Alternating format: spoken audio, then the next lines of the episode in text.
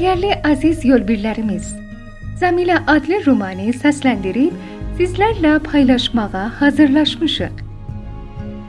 Yazar Sengiz Aytmatov Seviren Gülman Musayev Hazırlayan Fatime Hesenpur Her zamanki çimin bizimle olun, bakışlarınızı bize tattırın. İlk bölüm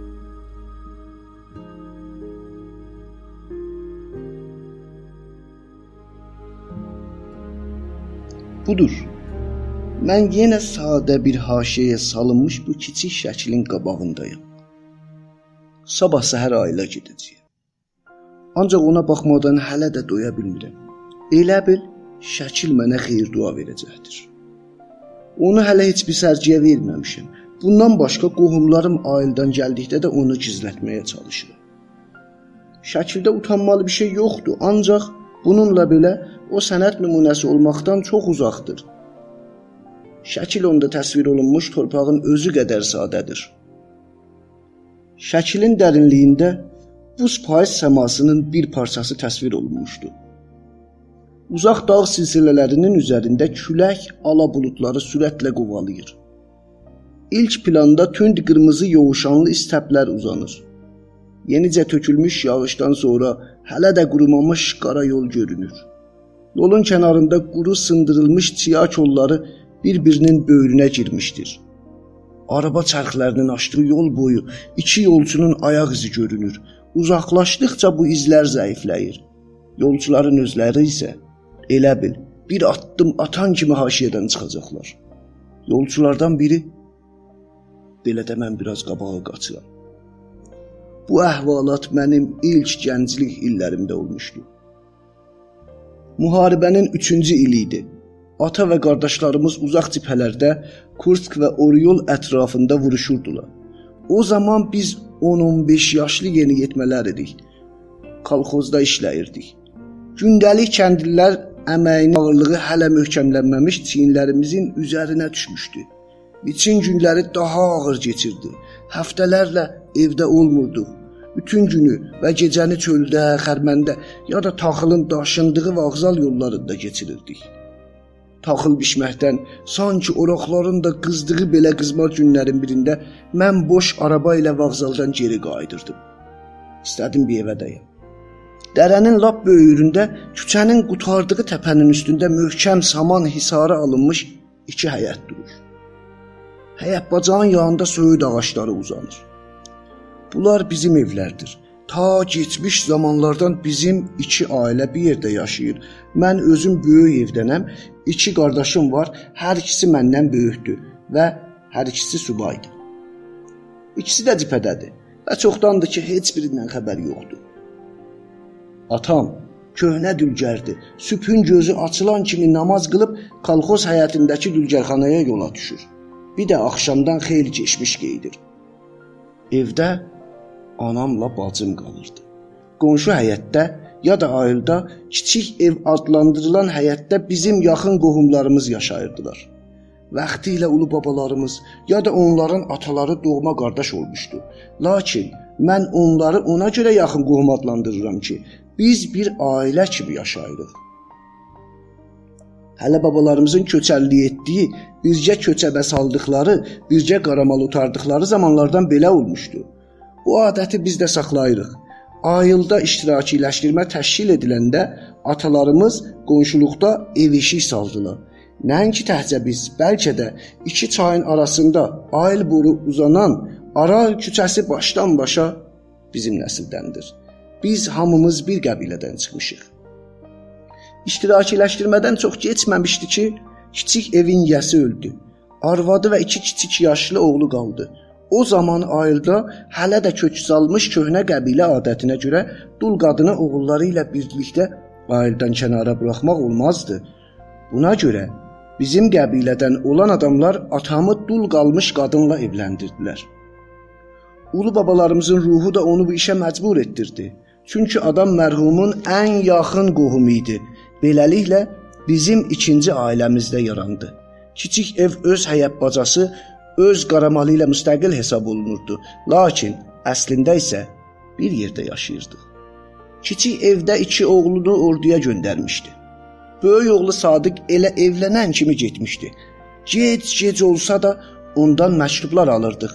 Kiçik evdə mənim kiçik apa, yəni kiçik ana adlandırdığım anam və onun gəlini Sadiqin arvadı hər ikisi səhərdən axşama tək kolxozda işləyirdi. Kiçik anam xeyirxah, üzü yola fəqir bir qadın idi. Hər işdə arx qazılmasında ya da suvarmada cavanlardan geri qalmırdı. Bir sözlə ketməni möhkəm əlində tuturdu. Bəxtindən də gəlini çox işlə idi. Cəmilə qaynanası kimi yorulmaq bilməyən bacarıqlı bir qız idi. Ancaq xasiyyəti biraz başqa idi. Mən Cəmiləni çox istəyirdim. O da mənim xatirimi istəyirdi. Çox dostlaşmışdıq. Ancaq bir-birimizi öz adımızla çağırmağa cəsarət etmirdik. Əgər başqa-başqa ailədən olsaydıq, əlbəttə mən onu adı ilə çağırardım. Mən onu böyük qardaşımın arvadı kimi Ceney, o da kiçinə bala çağırırdı. Hərçənd ki mən kiçik deyildim və aramızdakı yaş da fərq də çox deyildi. Ancaq ailələrdə bu bir qayda idi ki, gəlinlər ərlərinin kiçik qardaşlarını kiçinə bala yaxud mənim qaynım çağırırdılar. Hər iki həyətin ev işləri ilə mənim anam məşğul olurdu. Hörüklərinə sap bağlayan gülməli bacım da ona kömək edirdi. Çətin günlərdə bacımın nə cür səy ilə işlədiyi heç zaman yadımdan çıxmaz. Bostanın dalında hər iki həyətin quzu və bizoğların otarır, ev həmişə isti olsun deyə təzə çırpı yapırdı. Anamın tənhalığın ona unutduran və onu itkin düşmüş oğulları haqqında düşündürməkdən yayındıran mənim bu fındıq burun bacımıdır. Evdə asayişə və fəravanlığa görə bizim böyük ailəmiz anıma minnətdardır. O, hər iki həyətin külli ixtiyar sahibəsi, ailənin sirdaşı idi. O çox cavan ikən bizim köçəri babalarımızın ailəsinə gəlmiş və sonra ailələri ədalətli idarə etməklə onların xatirəsini müqəddəs tutmuşdu. Ailədə hamı onunla hörmətli, insaflı, ağıllı, təcrübəli ev sahibəsi kimi hesablaşırdı. Evdə hər şeyi anam idarə edirdi. Düzünü deyim ki, ailə sakinləri atamı ailə başçısı kimi tanımaq istəmirdilər. Adamların bu və digər münasibətlə dedikləri bu sözləri az eşitməmişdim. Eh, yaxşısı budur ki, heç ustanın yanına getməyəsən. Bizdə sənətkarları hörmətlə usta adlandırırdılar. Onun işi gücü ancaq balta işlətməkdir. Onlar da böyük yana hər şeyin başıdır. Onun yanına getsən, yaxşı olar. Onu deməliyəm ki, gənc olmağıma baxmayaraq tez-tez təsərrüfat işlərinə qarışırdı.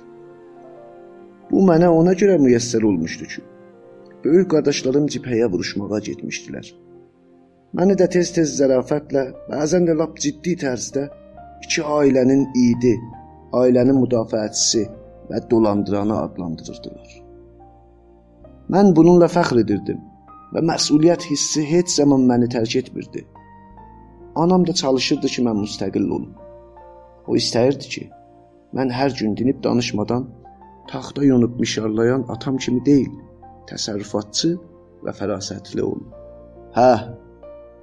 Mən arabanı evin yanında söyüdün kölgəsində saxlayıb yan qayışları boşaltdım. Və dərvazədən içəri girdim. Qalxozumuzun başçısı Oruzmatı həyətdə gördüm. O həmişəki kimi atın üstündə oturmuşdu. Qoltuq ağacı da yəhərə bağlanmışdı. Anam da onun yanında durmuşdu. Nə barədə isə mübahisə edirdilər. Yaxınlaşanda anamın bu sözlərini eşitdim. Bu baş tutan iş deyil. Allahdan qorx. Harda görünüb ki, arvad araba ilə kisə daşıya? Yox. Mənim gəlinimdən əlini çək. Qoy bu vaxtadək necə işləyibsə, eləcə də işləsin. Onsuz da gecə gündüzüm yoxdur iki həyəti idarə etmək sənə zarafat gəlməsin. Yaxşı ki, qız böyüyüb. Bir həftədir ki, düzələ bilmirəm. Belim ağrıyır. Elə bir keçə döymüşəm.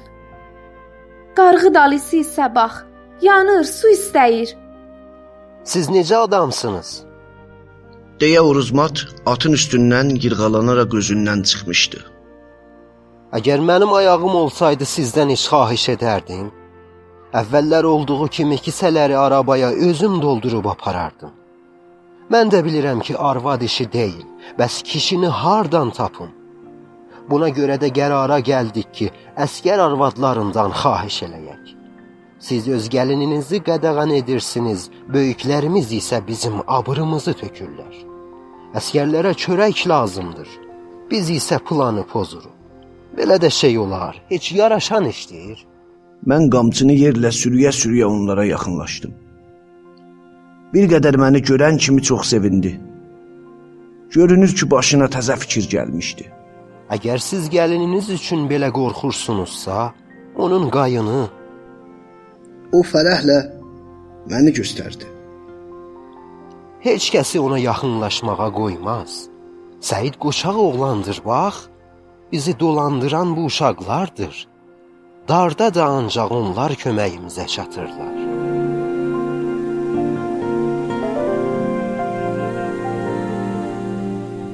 Bu bölümdə səsləndirdilər. Ravi Zabir Purbagir Uruzmat Hüseyn Sayman Qaynana Saray Tahiri Düzenleyen Saccad Müslimi باسم اخاغیمزن آدرسی داستانجا T A S T A N C A.